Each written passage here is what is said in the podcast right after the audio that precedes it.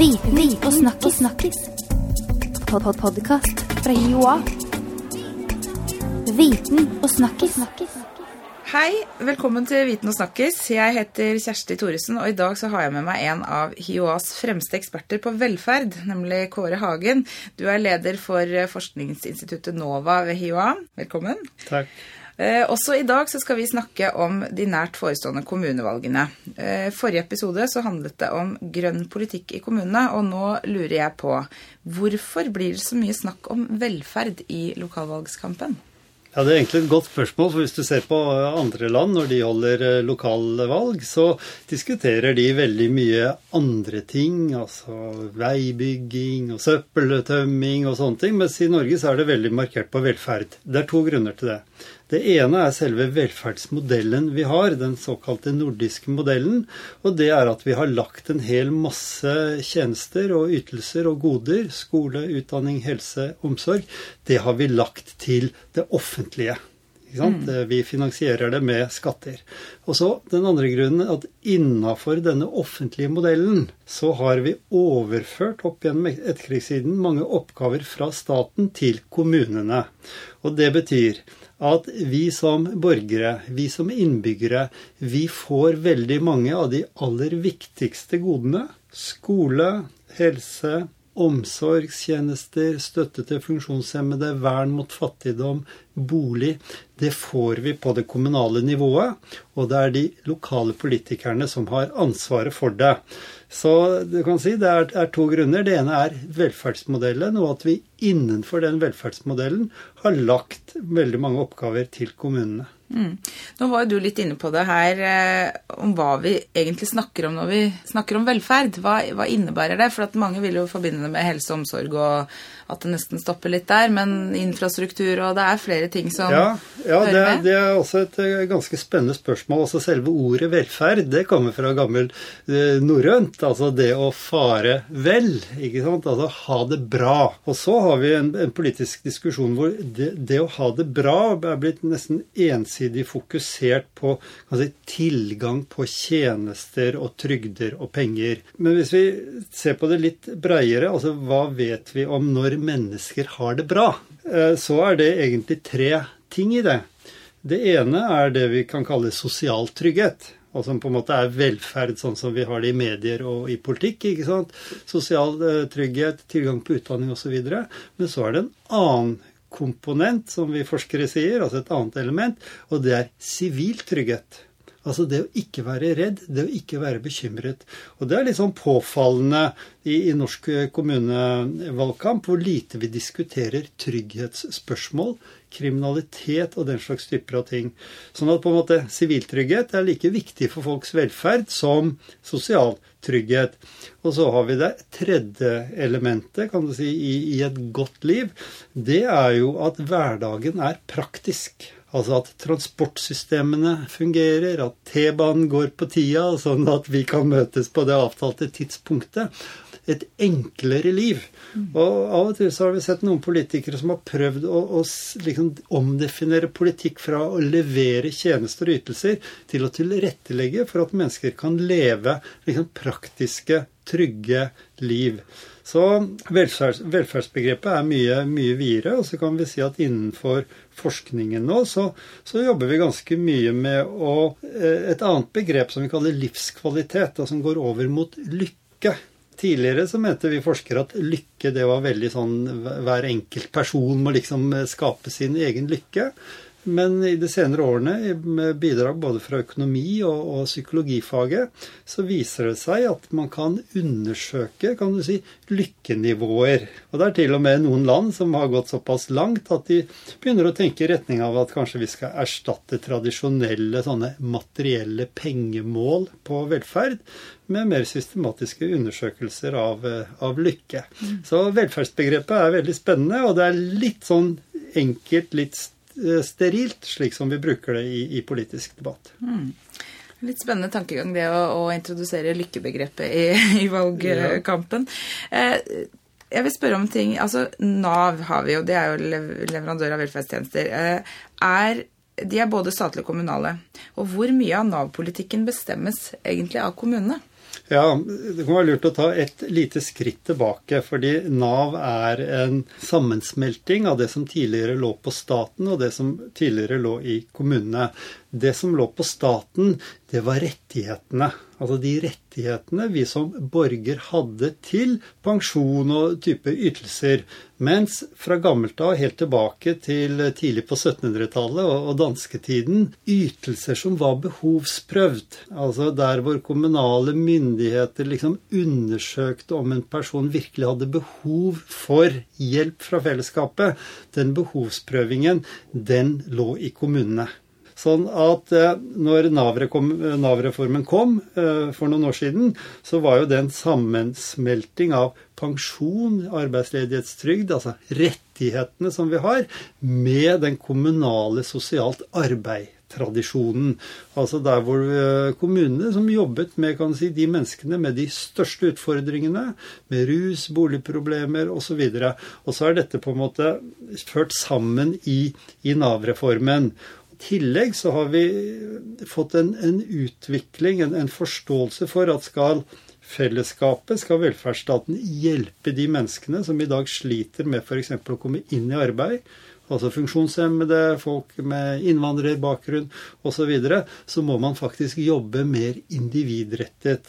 Altså det at, at velferdsstaten kunne liksom fungere ved at alle mennesker hadde like rettigheter til pengeytelser fra staten, den modellen funker ikke. Sånn at du kan si, du kan si mye stygt om Nav, og det er mye som ikke funker.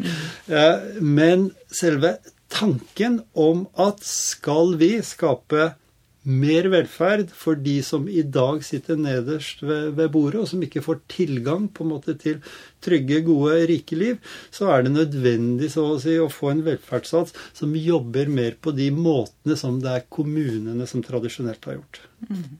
I Oslo så er det en eh, debatt nå om eh, man skal innføre eiendomsskatt eller ikke. Tror du det blir mer velferd hvis denne skatten innføres?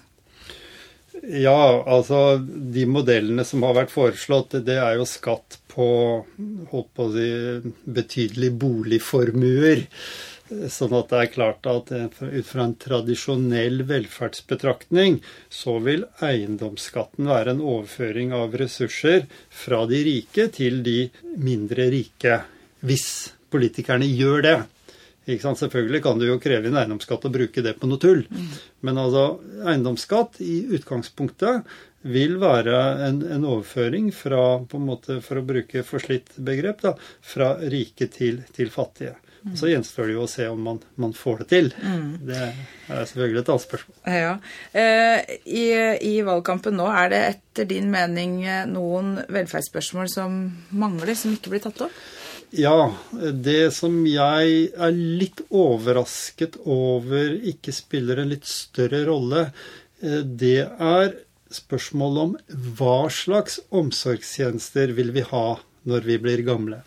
Altså, Politikerne snakker veldig mye om eldrebølgen, og det er viktig. og Det er det, minst usikre vi vet om framtida. Det er at vi blir flere eldre som vil leve flere år med flere helseproblemer samtidig.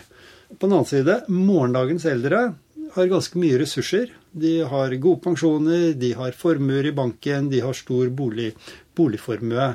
Så det som er litt sånn nedslående, eller litt overraskende, er at vi litt ensidig diskuterer eldreomsorgen som sykehjemsutbygging. Mm. Altså, folk vil ikke ha sykehjem, folk vil ha gode omsorgstjenester som setter de i stand til å leve i eget hjem så lenge som mulig. Der har vi forskere jobbet litt med f.eks. ny teknologi, ny utforming av boliger. Eh, hvordan vi kan lage liksom, omgivelser rundt mennesker som på en måte eldes. Og det er ikke bare eldre, det er også folk som på en måte lever med funksjonshemninger i mange år. Mm. Altså ny teknologi, nye måter å organisere dette på som egentlig åpner for en veldig spennende framtid. Jeg savner litt mer debatt, litt mer kreativitet rundt hva slags ytelser er det vi vil trenge i, i morgen. Mm. Eh, HiOA Vi lanserte ideen om et velferdsbarometer i august. Kan du fortelle kort, eh, dere, Ja, hva skal jo ja. stå bak det? Ja, Hva er det? det? Det er en veldig god idé. Utgangspunktet her er at ved HiOA og i Norge så har vi veldig mye velferdsforskning. Vi vet ganske mye om barnevern, vi vet om rus, vi vet om omsorg osv. Men hver forsker sitter på sin tue og jobber mer og mer snevert inn på veldig spissa spørsmål. Sånn er vitenskapens logikk. Ikke sant? Altså at eh, man vet veldig mye om veldig lite. Politikkens logikk, brukerne av kunnskap, de må tenke på en annen måte. De skal forholde seg til helhetsbilder, til totale bilder. Altså spørsmålet er kommunen blitt bedre å bo i de siste åra? Hva skal vi gjøre for at folk får det bedre? For oss ved HiOASE er det et samfunnsoppdrag vi har gitt oss, og det er at vi skal produsere kunnskap som gjør at politikerne kan navigere trygt inn i framtida. Da kan ikke vi bombardere politikken med en hel masse spesialstudier. Da må vi ta den oppgaven det er å sette sammen biter fra spesialisert kunnskap til et helhetsbilde. Det blir omtrent som et sånn puslespill med 5000 brikker. ikke sant? Altså Forskerne leverer de 5000 brikkene, men vi kan ikke bare kaste de over til politikken og si dere må danne et bilde. Vi må gjøre den jobben. Det er ambisjonen med velferdsbarometeret. ikke sant? Vi bruker ordet barometer fordi vi ønsker å måle noe. Vi vil si om det går framover eller tilbake med, med den eh, norske velferdsstaten. Bare for å ta en liten sløyfe tilbake når vi snakket om velferdsbegrepet. Det kan jo f.eks. godt tenkes at det er sånn at vi får bedre sosial trygghet, men at den sivile tryggheten blir dårligere, eller at livet blir mer upraktisk fordi det blir tettere. ikke sant? Oslo f.eks. har jo stor innvandring. Eh, altså Innbyggertallet øker nå like kraftig som liksom under de, den kraftigste flukten fra landsbygda, som vi lærte om i historie på, på grunnskolen. Altså Politikerne trenger forskningsmiljøer som er modigere, som tør stille sammen uh, all vår innsikt til uh, kunnskap som det er mulig for politikerne å, å, bruke. Men er det på sentralt nivå, eller, eller vil dette også være nyttig på helt lokalt nivå? I første omgang så jobber vi nå med liksom den, det norske velferdssamfunnet. Altså FN sier at vi, vi, er liksom det beste landet i verden å bo i. Men hvis vi spør ja, men er Norge blitt bedre eller dårligere de siste tre åra eller fem åra, så har ikke vi forskere liksom et, et, godt svar å gi.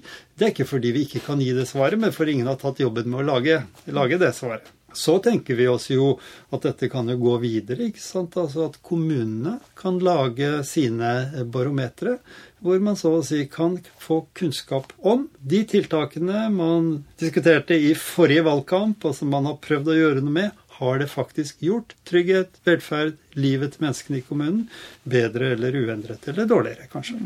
Så det handler altså om å få i gang et bedre samarbeid mellom politikere, myndigheter og høyere utdanning og forskning? Det, det, handler i bunn og grunn om å gjøre mer konkret det vi alle snakker om. For alle snakker om at forskningen skal være nyttig for politikerne. Og så er vi alle bevisst om at det er en arbeidsdeling, vi som forskere. Vi skal framstille kunnskapen, men det er politikerne som skal bruke den. Men vi forskere må, eller velferdsforskere, vi må tørre å la oss inspirere av klimaforskerne. Altså Legg merke til hvordan klimaforskerne har dannet sånne klimapaneler. Og så sier de at som forskere så er vi uenige om en hel masse ting når det gjelder klima, men én ting er vi enige om, og det er at kloden blir varmere. Vær så god, politikere, dere må gjøre noe. Så det er litt sånn etter inspirasjonen derfra at vi velferdsforskere kan bli litt modigere. Tvi-tvi og lykke til med arbeidet. Takk for at du var med, Kåre Hagen. Og du som hører på, finner flere episoder av Viten og snakkis i din podkast-app eller på bloggen vår. Den har adresse blogghioa.no skråstrek viten og snakkis. Vi høres. Viten og snakkis. snakkis. Pod-pod-podkast fra Joa. Viten og snakkis. snakkis.